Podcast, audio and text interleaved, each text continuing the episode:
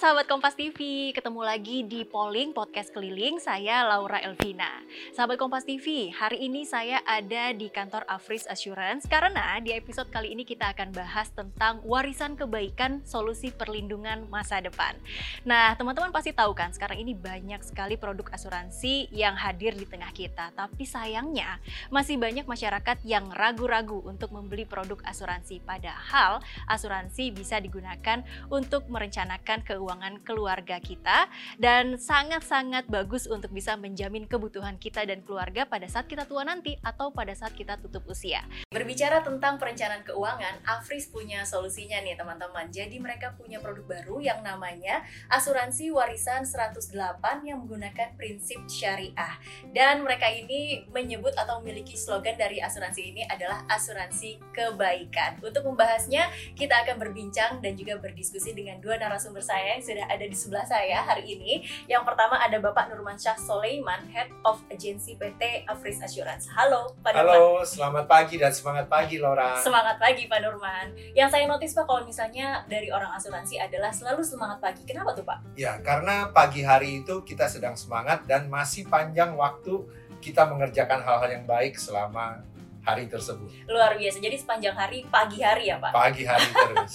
Oke. Yang kedua ada Bapak Abdul Holik, Head of Syariah PT Afris Assurance. Semangat pagi Laura. Assalamualaikum warahmatullahi wabarakatuh. Waalaikumsalam warahmatullahi wabarakatuh Pak Holik.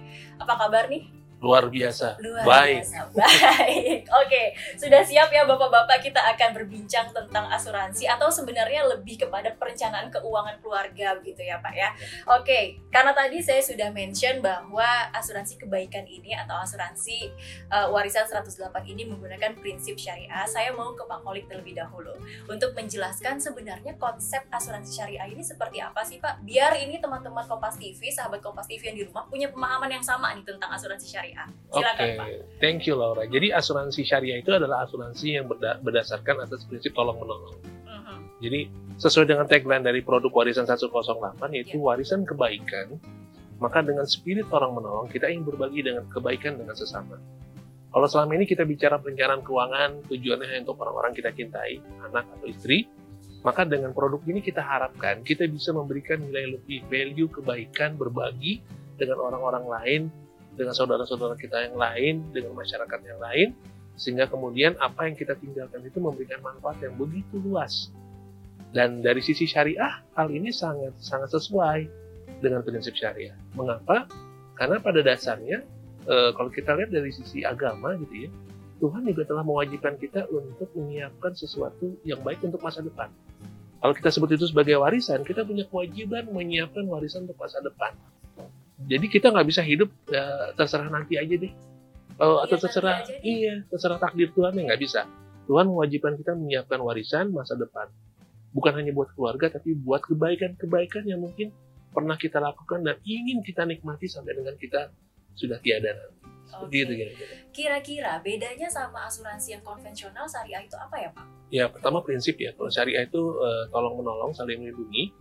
Artinya gini, ketika orang tersebut membeli produk asuransi syariah, dia, dari awal dia sudah berikrar, berniat untuk tolong menolong dengan peserta yang lain. Ya, dan kemudian juga tolong menolong dalam bentuk apa? Orang-orang itu mengumpulkan dana, ya kalau dalam bahasa Arabnya namanya dana tabaru atau dana kebajikan, dana tolong menolong dikelola oleh perusahaan asuransi. Nanti kalau salah satu peserta ini mengalami musibah, mengajukan klaim, maka dana tolong menolong ini digunakan oleh perusahaan asuransi untuk membayar klaim. Sementara kalau di asuransi konvensional konsepnya adalah transfer risiko. Jadi klaim ditanggung oleh perusahaan asuransi.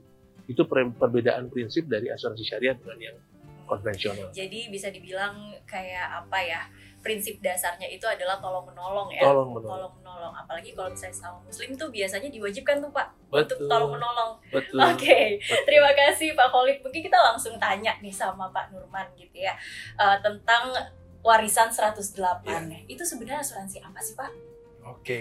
Eh, warisan 108 ini sebenarnya asuransi jiwa ya. Asuransi jiwa. Ya, salah satu dari eh, bentuk asuransi jiwa yang eh, paling ekonomis sebenarnya. Artinya dengan premi yang kecil kita bisa mendapatkan manfaat proteksi atau di sini kita bilang manfaat warisan kebaikan yang sangat besar. Ya. Jadi ini adalah jenis asuransi yang paling ekonomis ya, namun dengan menghilangkan beberapa kelemahannya. Ya, kelemahan asuransi seperti ini biasanya hanya berlaku sampai jangka waktu tertentu, lima tahun, satu tahun, ada yang 10 tahun, 20 tahun. Kalau setelah masa kontrak berakhir kita masih sehat atau masih hidup, maka manfaatnya sudah tidak berlaku. Ya, dan premi yang ada yang pernah dibayar memang tidak dikembalikan. Ya, seperti asuransi mobil aja sifatnya. Nah, di warisan 108 kami menggunakan asuransi jiwa eh, jangka warsa ini, ini untuk meminimalkan ya uh, premi atau uh, dalam hal ini kita bilangnya uh, kontribusi di minimal dengan manfaat yang maksimal. Ya. Namun kita panjangkan masa berlakunya hingga 108 tahun usianya. Oh, jadi jadi kenapa namanya itu warisan 108? Betul. Okay. Ya, sehingga bisa dipastikan semua peserta setelah menyelesaikan masa uh, uh, pembayaran kontribusinya itu pasti akan menerima manfaatnya. Ya karena tidak ada batas waktu misalnya 20 tahun atau 10 tahun, namun sampai seseorang berusia 108 tahun. Ya. Nah, kemudian selain itu ya juga kita berikan uh, keistimewaan bahwa masa bayar pembayaran kontribusinya ini sangat pendek. Ya, hanya lima tahun, tiga tahun, atau bahkan sekaligus dan juga sangat fleksibel karena bisa dibayar tahunan, enam bulanan, tiga bulanan, bahkan bulanan. Ya, jadi boleh saya katakan e, melalui warisan 108 ini, setiap orang di Indonesia bisa melakukan perbuatan baik, bisa memberikan warisan kebaikan kepada siapa pun. Ya, kepada keluarganya tentunya. Oke, jadi itulah kenapa disebut warisan kebaikan juga ya Pak ya. Nah, saya tuh sebenarnya kalau ngomongin soal asuransi itu lately ya Pak ya uh, cukup excited karena menurut saya ini bisa jadi instrumen untuk perencanaan keuangan. Kalau dulu mungkin persepsi saya tentang asuransi itu ya mungkin masih ada juga masyarakat-masyarakat kita yang kayak aduh nggak mau deh asuransi tapi saat, saat ini saya tuh cukup excited gitu makanya pas kemarin dikasih tahu kita ngobrol soal asuransi oh oke okay, gitu saya juga penasaran ini sebenarnya asuransi warisan 108 ini apa gitu jadi memang basicnya adalah asuransi jiwa gitu ya iya. nah hmm, apa namanya kan pertanggungannya sampai 108 tahun. Betul. Yang bisa mengambil uh, asuransi ini siapa, Pak? Boleh dibilang semua orang yang masih sehat, mm -mm. ya masih layak diasuransikan, kemudian uh, sudah memiliki penghasilan atau nilai ekonomi hidup, itu sudah bisa. Berarti dari umur? Dari umur 17 sampai dengan 70 tahun. Oh, ya. dari umur 17 tahun. 17 tahun hingga 70 tahun. Kenapa dari 17 tahun? Bukankah biasanya 17 tahun itu dia masih tinggal bersama orang tua, Pak? Iya, satu hmm. memang dia masih tinggal bersama orang tua, namun uh, secara kependudukan dia sudah dianggap dewasa, dewasa. Okay. dan sudah bisa memiliki income sendiri sebenarnya.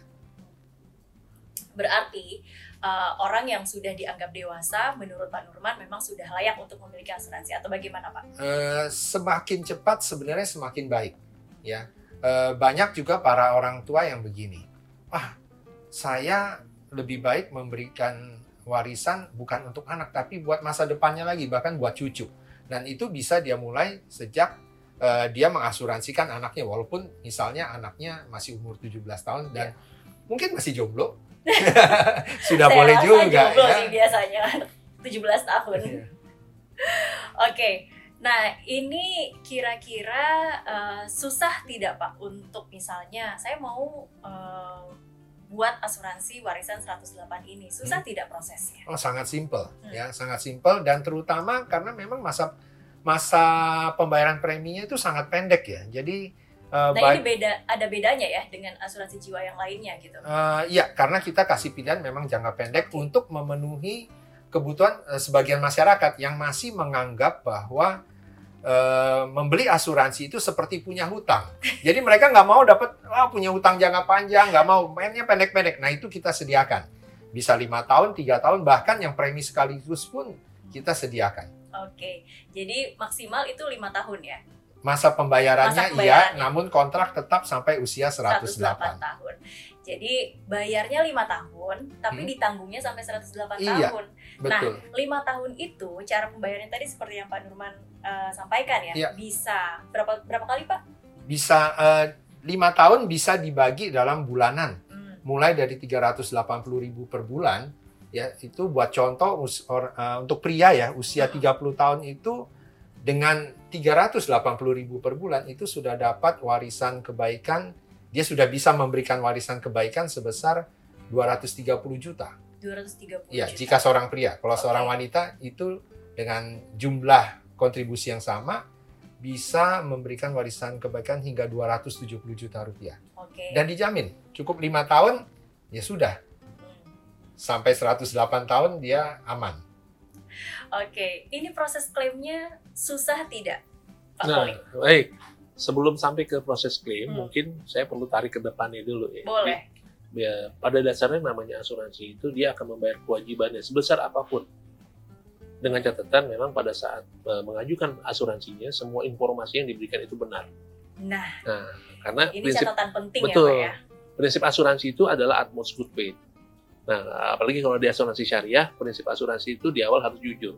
Iya. Nah, yang, yang jadi yang jadi pertanyaan adalah pada saat kita mengajukan permohonan asuransi jiwa, apakah kita sudah cukup jujur untuk menjawab pertanyaan-pertanyaan ada di uh, surat permintaan Mungkin itu kenapa kita luncurkannya pas satu Ramadan ya Pak. Betul. Karena kalau nggak jujur langsung batal puasanya. Betul, betul, betul. Langsung batal puasanya. Jadi sebagai informasi sahabat Kompas TV, asuransi warisan 108 ini yang dari Afris baru diluncurkan tanggal berapa Pak? Tanggal 1 Ramadan. Tanggal 1 Ramadan, Satu ya. Ramadan. Oke. Jadi momentumnya momentum berbagi kebaikan, warisan kebaikan untuk sesama. Jadi momentumnya tepat.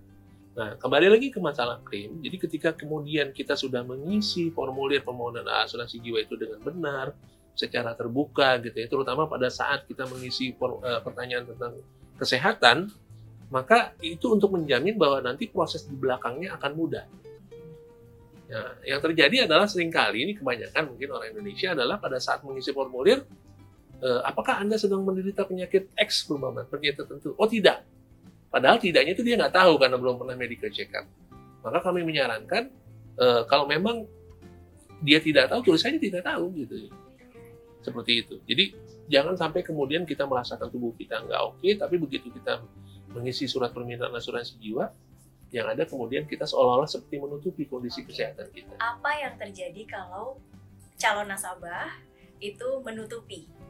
Ya, biasanya dalam polis asuransi jiwa itu ada yang namanya masa masa tunggu, masa masa apa namanya melihat. Hmm. Ya, jadi biasanya dua tahun ya Pak Norman ya. Iya.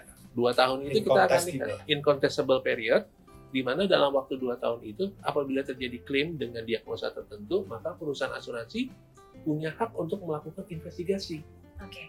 untuk melihat apakah memang benar ini real, kondisinya baru terjadi setelah orang itu membeli polis, atau jangan-jangan ini sudah lama tapi nggak diungkap. Nah, jadi ya ketika kita ingin membeli asuransi pastikan tidak ada dusta di antara kita. Prinsipnya kalau kita Prinsipnya gitu lakukan dengan Iya. benar, dengan baik, nggak usah khawatir, pasti dibayar. Pasti dibayar ya. Pasti akan dibayarkan klaimnya karena memang itulah yang kami janjikan, itulah Hmm. produk utama kami. Oke. Kami senang justru saat membayar klaim karena itu berarti menolong masyarakat yang memang mempercayakan masa depan keuangannya kepada kami. Jadi nggak Oke. usah khawatir.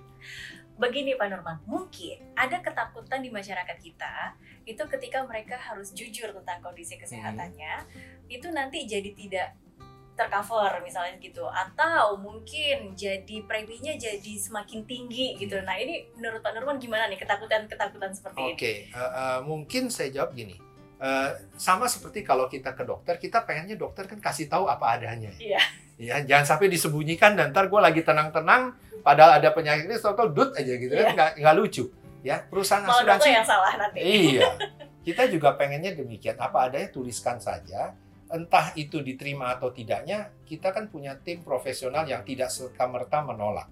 Kita akan melihat sungguh-sungguh jika resikonya memang masih bisa kita terima, jangan khawatir kita pasti akan terima. Dibanding dengan kita menyembunyikan data, nanti akan menyulitkan, bukan menyulitkan kita, menyulitkan ahli waris kita nantinya. Oke, jadi memang harus jujur. Jadi kalau misalnya sudah jujur ya nggak ada masalah ya Pak Holik. Pasti tidak akan ada masalah. Hmm. Nah, ini eh pasti ada kekhawatiran juga atau pernah pasti terjadi untuk asuransi gagal bayar, Hmm. gagal bayar premi. Iya. Nah, bagaimana dengan warisan 108 ini? Kalau terjadi gagal bayar itu seperti apa, Pak? Oh, dalam arti nasabahnya tidak bisa membayar lebih lanjut ya? betul. Oke, ini tentu saja satu kejadian yang tidak pernah diharapkan baik oleh nasabah, baik oleh ahli waris nasabah maupun oleh perusahaan asuransi, ya. Jadi kita semua berusaha menghindari menghindari hal ini. Nah, kami sebagai perusahaan asuransi tentu saja menyiapkan tidak serta merta demikian ya. Kami ada namanya grace period. Itu 30 hari setelah jatuh tempo kita masih bisa tunggu, ya. Dan kekhawatiran banyak orang untuk gagal bayar ini, gagal membayar atau em, membayar kontribusi premi ini, yaitu membayar kontribusi ini adalah biasanya karena mereka merasa, aduh kayaknya lama ya, Kewajiban Iya, ini betul. ya. Ya jadi kayak Iya, utang iya, iya. dianggapnya. Nah, Eh, jadi kayak ini rasa-rasanya kayak saya ngambil KPR nih kayaknya. iya, kira-kira begitu ya. KPR tidak tidak jelek ya. Betul. Dan tidak, ini pun tidak. bisa dipakai untuk mengcover KPR loh nantinya.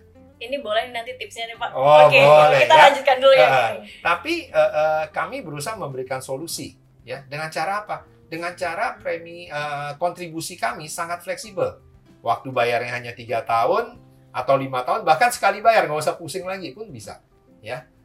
Kemudian eh, kalaupun memilih eh, tiga tahun atau lima tahun, itu pun bisa memilih dengan cara bayar eh, tahunan, enam bulanan, tiga bulanan atau bulanan. Jadi eh, eh, sangat fleksibel. Dengan pendeknya masa bayar kontribusi ini, kami harapkan memperkecil risiko terjadinya gagal bayar. oleh nasabah. Iya benar juga sih.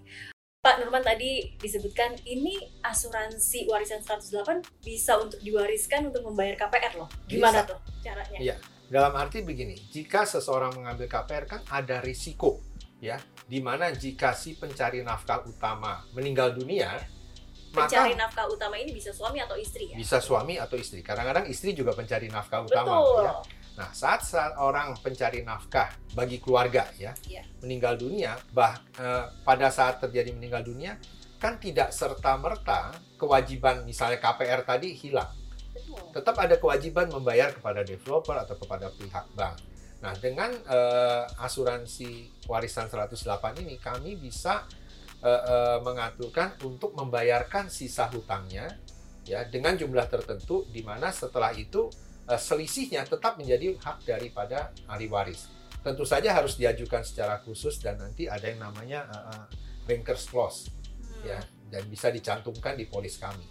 Ya, Jadi, bisa untuk membayar hutang, untuk segala macam. segala macam ya Pak Iya. ya. Oke, jadi bisa dibilang eh, asuransi jiwa atau as- asuransi warisan 108 ini memang di, diperuntukkan untuk perencanaan keuangan keluarga ya Pak ya. Iya. Kira-kira nih Pak ya, kalau misalnya seperti saya, saya punya suami Hmm. gitu ya. Saya sekarang 34 tahun. Kira-kira siapa? rahasia ya, 34 tahun. Buka aja Pak. Oh, harus jujur. harus Bulan jujur, puasa, harus bohong. jujur bulan puasa. Kira-kira nih yang harusnya diasuransikan atau dibuatkan asuransi warisan 108 ini saya atau suami saya Oke. nih Pak sebaiknya. Pertama kita bicara mengenai kemungkinan ya. Ya. Kemungkinan yang akan terus bekerja sampai usia pensiun biasanya adalah pihak suami. Ya, walaupun sekarang Laura bekerja, tapi kan tidak eh, lebih besar kemungkinannya misalnya saat sudah memiliki seorang anak dan saking cintanya sama anaknya akhirnya beker- berhenti bekerja, toh suami sudah cukup. Maka yang diutamakan sebenarnya harusnya suami dulu ya. Suami yang mengambil eh, asuransi ini sebagai tertanggung. Nah, untuk eh, di asuransi ini ada pihak tertanggung, ada pihak pemegang polis atau pemilik polis. Nah, ini tips Itu buat- beda ya? beda. Beda ya? Ya, bisa sama, bisa beda. Hmm, Artinya bisa aja pemegang polisnya suami, tertanggung juga suami. suami ya. Tapi saya ingin kasih tip untuk para istri nih ya. Dengerin nih ya, para istri ya. Buat para istri Dengerin ya. para istri. Kalau Anda ingin mengambil asuransi jiwa untuk suami Anda, sebaiknya pemegang polisnya itu istri. Kenapa? Istri sebagai pemegang polis itu berhak untuk mengganti ahli waris at any time. Jadi kalau ini dipegang seorang suami, risikonya lebih besar. Lebih baik Anda yang pegang, tertanggung suami, tapi Anda yang pemegang polis, sehingga dia nggak bisa macam-macam. Ya, nggak bisa ganti-ganti ahli waris gitu kan. Saya langsung pulang nih nanti saya langsung Oh, nih. coba periksa, periksa. periksa siapa memegang polisnya ya. Iya, iya. Ya, iya. kalau masih Oh. suami bisa ganti kok. Oh, jadi tipsnya gitu ya, Pak ya. Pemegang polisnya eh, itu bisa mengganti ahli warisnya siapa. Iya. Jadi kalau misalnya memang mau diwariskan ke saya misalnya dan anak-anak, Iya. berarti eh, tertanggungnya adalah suami, Ini. pemegang polisnya saya. Iya, gitu ya. supaya ahli warisnya tidak bisa diganti-ganti. Betul, tetap Nah. saya dan anak-anak. Iya, betul. Bagus juga tuh Pak tipsnya. Terima kasih loh Pak Dirman. Kembali. Oke. Nah, ini eh, warisan 108 ini apakah hanya bisa untuk atau menjadi warisan untuk keluarga saja atau gimana nih, Pak Koi? Iya, jadi makanya keunggulan 108 ini sesuai dengan tagline-nya, warisan kebaikan kita tidak menginginkan produk ini tidak hanya memberikan kebaikan bagi keluarga atau ahli waris kita, namun juga sesama. Contoh perumpamaan apa namanya, Laura Ya. adalah donatur dari sebuah yayasan Amin. eh, yatim piatu lah gitu ya, di mana yatim piatu yayasan tersebut eh, sering mendapatkan donasi dari Laura yang kalau suatu saat berhenti kemudian akan memberikan impact terhadap si yayasan tersebut. Donasinya jadi terhenti. Betul. Nah, kemudian Lola juga ingin nggak jangan sampai kebaikan saya terhenti cuma gara-gara mohon maaf saya sudah tidak ada di muka bumi ini. Jadi manfaat dari produk warisan 108 ini bisa kita gunakan juga untuk berbagi nih dengan yayasan-yayasan sosial, lembaga-lembaga sosial, lembaga-lembaga keagamaan, atau bahkan juga untuk mohon maaf upacara kematian gitu Pak ya. Ya, Di Indonesia mengaben, Yang kemudian Membutuhkan dana yang banyak. Iya, gitu Rabu ya. Solo di Toraja gitu ya. Nah, jadi manfaatnya tidak hanya bagi keluarga atau ahli waris, bisa bisa kita gunakan untuk melestarikan warisan kebajikan yang pernah kita lakukan pada saat hidup. Keren banget. Ya, jadi kebaikannya nggak cuma harta nih, Iya, betul. pahala gitu ya, apalagi Jadi Ramadan. walaupun sudah tutup usia, kebaikannya tetap berjalan. Betul. Satu lagi nih, ya mungkin juga bisa digunakan untuk wakaf, ya, Bro. Hmm, Oh, bisa juga. Bisa. Jadi uang pertanggungannya nanti diberikan kepada lembaga yang mengurusi wakaf atau nazir untuk disalurkan eh, kepada orang-orang yang berhak. Nah wakaf ini kan pahalanya mengalir sampai dengan hari kiamat, walaupun kita sudah nggak ada di muka bumi. Iya, iya. Nah jadi ya itu warisan kebaikan, berbagi kebaikan untuk sesama. Jadi warisannya kebaikan ya. kebaikannya itu tidak berhenti di satu saat tertentu, tapi Betul. terus ya kalau di luar negeri kita sering lihat kan eh, eh, ada rumah sakit di mana dia punya wings atau bangunan sayap yang diberi nama dengan nama seseorang. Iya. Nah, kenapa? Karena dia memang eh, yang membiayai pembangunan itu dan itu kita bisa lakukan dengan mudah ya eh, dengan warisan 108 ini. Jadi kita sangat mendukung ya untuk kegiatan-kegiatan filantropis. Selama ini yang bisa melakukan kegiatan fil- filantropis biasanya itu konglomerat. Kalau baca Iya. di berita berita, konglomerat ini ya filantropi tertinggi atau apa gitu ya. Nah, dengan produk warisan 108 ini setiap orang bisa melakukan kegiatan filantropi. Siapa pun ya, Pak. Siapa pun mulai dengan 380 ribu per bulan atau sekaligus mulai dari 35 juta rupiah aja itu sudah memberikan eh, warisan sebesar eh, 530 juta untuk orang usia 30 tahun. Oke. Jadi sangat mudah. Kalau begitu ada syarat khusus nggak untuk lembaga sosial ini agar mereka bisa menjadi ahli waris dari warisan 108 ini, Pak? Betul. Jadi kalau ingin menjadikan lembaga sosial atau lembaga keagamaan sebagai penerima manfaat dari produk warisan 108 ini, eh, yang pertama lembaga itu harus memiliki eh, apa namanya dasar legal hukum, ya punya punya apa badan hukum, ya. Yang kemudian yang kedua pada saat pengajuan eh, surat permohonan asuransi jiwa itu harus disebutkan. Jadi concernnya itu benar-benar disebutkan di nama yayasannya. Jadi pada saat nanti eventnya kejadian atau klaimnya terjadi, kami dari pihak Abris akan secara jelas, oh ini pihak-pihak yang akan menerima manfaat dari polis eh, warisan 108 ini. Oke, berarti di polisnya sudah sudah ini ya tercantum nama ahli warisnya adalah Betul. lembaga sosial tersebut. Betul. Gitu. Nah, Atau mau dibagi juga bisa. oh bisa? Ada lembaga dapat, Ya. keluarga juga tetap Oh, ada. bisa kayak gitu, Pak? Bisa. Bisa. Jadi eh, kalau bisa eh, Laura nanti punya banyak anak, Amin. supaya nggak berantem, paling gampang pakai produk ini. Langsung dibagi berapa persen, berapa persennya. Itu bisa. Oh, Ya, bisa jadi nggak usah pakai eh, eh, drama-drama lah gitu kan. Berarti saya nggak nggak harus ke notaris lagi untuk membagi Nggak perlu, itu. Tidak perlu. Kan biasanya orang itu ya masyarakat kita pada umumnya lah ya untuk berpikir saya akan mewariskan apa ya ke anak saya. Pasti yang di yang pasti lah yang paling yang paling common adalah tanah, Iya. rumah Iya. ya Pak ya. Eh, apakah ini bisa menjadi pengganti atau bisa berjalan beriringan? Eh, saya tidak berani mengatakan ini bisa menggantikan, Iya. tapi harusnya ini sangat-sangat patut menjadi complementary. Oke. Tanda kut- Pelengkap. misalnya, contoh eh, Laura punya satu rumah yang eh, eh, setelah meninggal ingin diwariskan. Ya. Hukum di Indonesia tidak bisa diwariskan begitu saja, harus ganti nama. Dan untuk alih nama ini ada biayanya yang tidak tidak kecil, lah, Lumayan besar juga. lumayan besar. Misalnya mau bagi tiga. Ya, mau bagi tiga misalnya. Pertama sebelum ganti ke siapa dulu. Begitu mau ganti namanya saja, itu sudah harus membayarkan eh, eh, eh, pajak tertentu kepada Iya. pemerintah. Itu aturan, ya. Dan kalau itu tidak tersedia, akhirnya menimbulkan masalah. Nah, kita tidak ingin memberikan warisan masalah kepada eh, ahli waris kita kan. Kita maunya warisan kebaikan tentu yang Betul. kita berikan. Nah, ini bisa memudahkan, ya, bisa memudahkan. Demikian juga saat pembagiannya karena nggak mungkin kan rumah itu dipotong jadi tiga kayak kue. Nggak Iya. mungkin. Mau nggak mau harus dijual dulu atau salah satu yang mengambil. Iya. ya sehingga dengan eh, produk warisan 108 ini kita bisa gunakan untuk mengatasi masalah tersebut. Misalnya contoh gampangnya eh, rumahnya 3 miliar ya.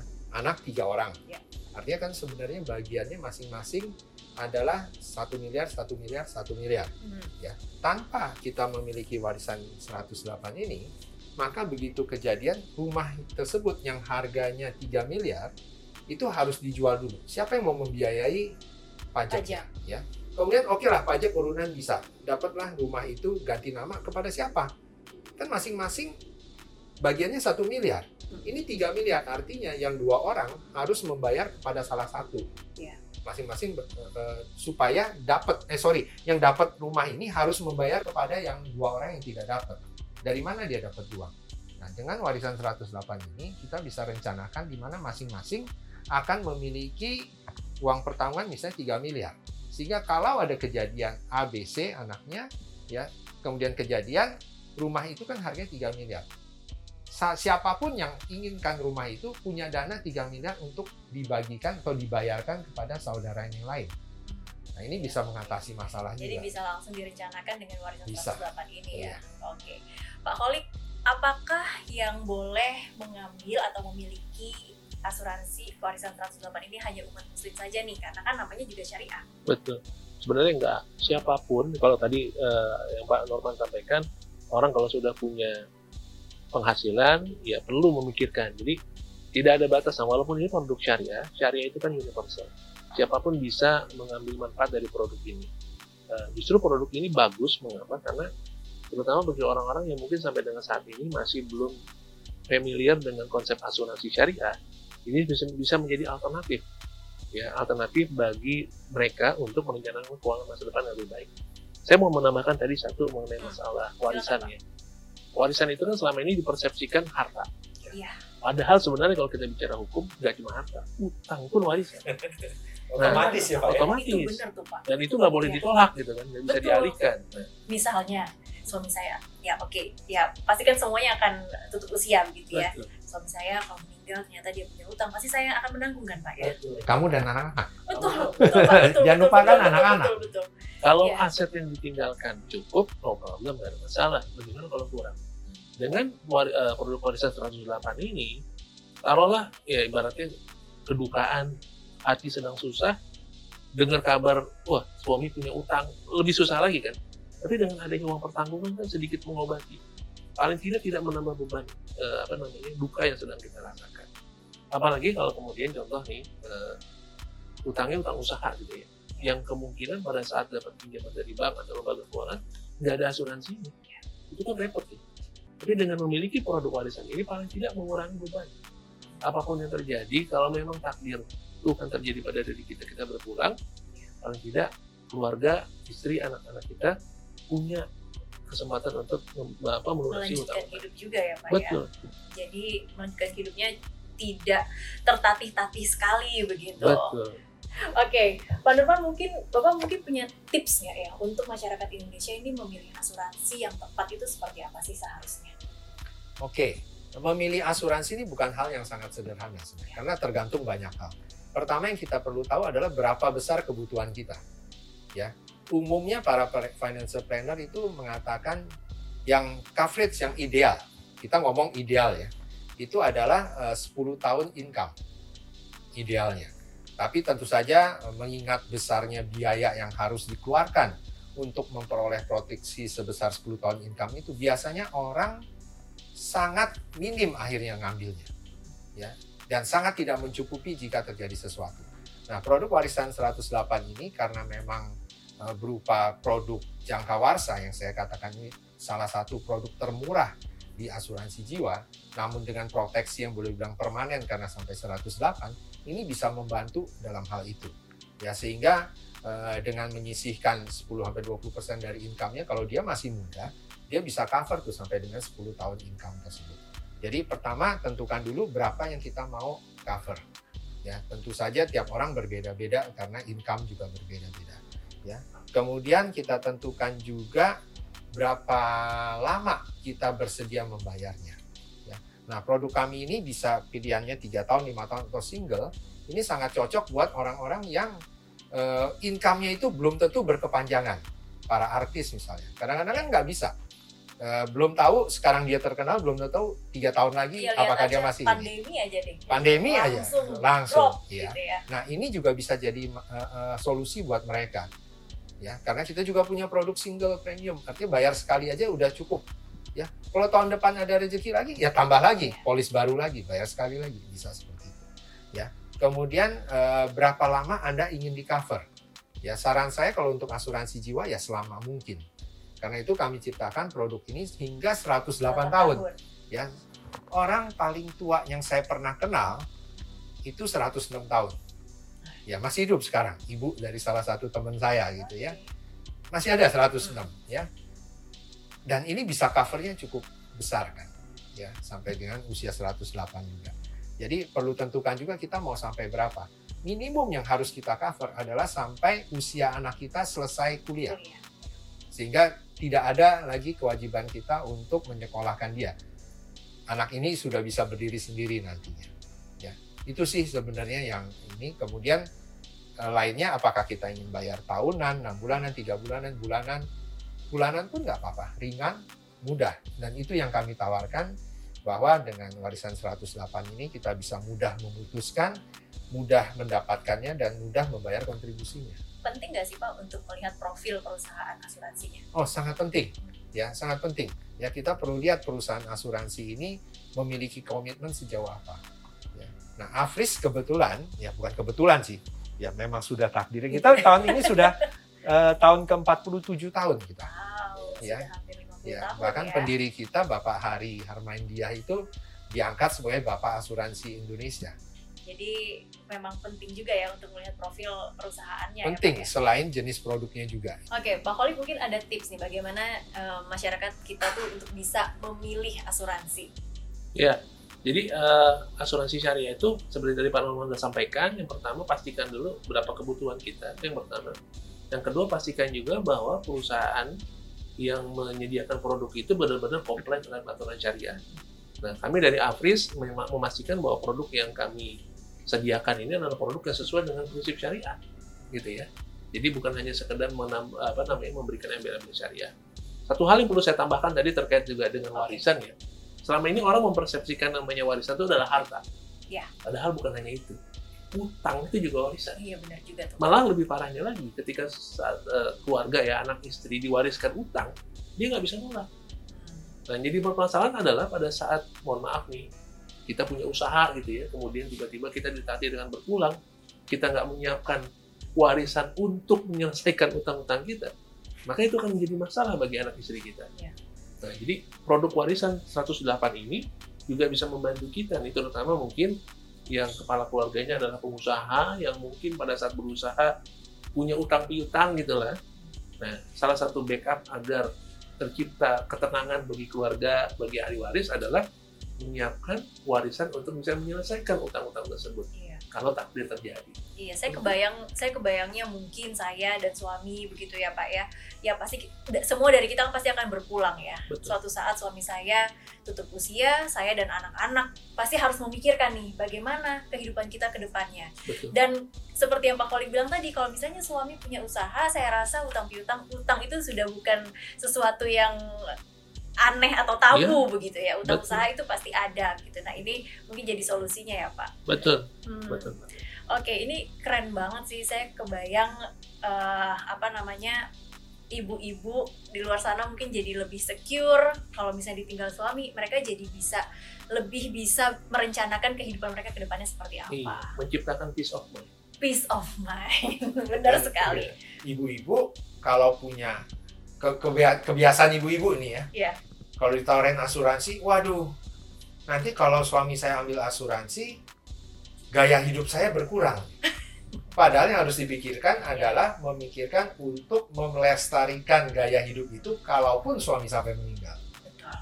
Eh, produk kami ini sangat sederhana. Jadi buat eh, siapa pun yang ingin eh, berpartisipasi gitu ya, mempunyai produk eh, warisan 108 ini, itu gampang sekali ngertinya. Karena 5 menit dijelaskan simple. Simple Ini ya. produk yang sangat simple dan sangat mudah untuk diterima, sangat mudah untuk dimiliki.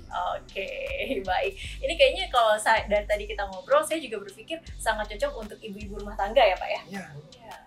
Yang mungkin suaminya menjadi pencari nafkah satu-satunya gitu Iya. ya. namun karena ini murah, dia bisa ambil dua-duanya. Suami iya, dan benar istri. juga. Ya, jangan salah, loh. Eh, ibu rumah tangga itu pekerjaannya mahal. Betul. Ya, iya. mahal. Banget Jadi- banyak Cuman sekali nggak digaji. di rumah. Iya. Iya. Waktunya para suami untuk membel- membelikan asuransi untuk ibu-ibu rumah tangga yang ada di rumah. Kado pernikahan itu sebenarnya. Kado pernikahan juga luar biasa. Terima kasih Tapi tetap pemegang polis eh, pemegang polis saya. istri. Istri. Oke, nanti sampai di rumah saya akan langsung iming-imingin suami saya nih kayaknya. Terima kasih Pak Nurman Syah dan juga Pak, Pak Abdul Kholik atas perbincangan di polling hari ini luar biasa. Ini menurut saya bisa membuka mata bagaimana masyarakat Indonesia untuk bisa merencanakan keuangan keluarga mereka ataupun seperti yang Pak Kholik sampaikan tadi ini bisa digunakan untuk kebaikan-kebaikan lainnya eh, seperti ke lembaga sosial ataupun eh, kegiatan-kegiatan sosial lainnya.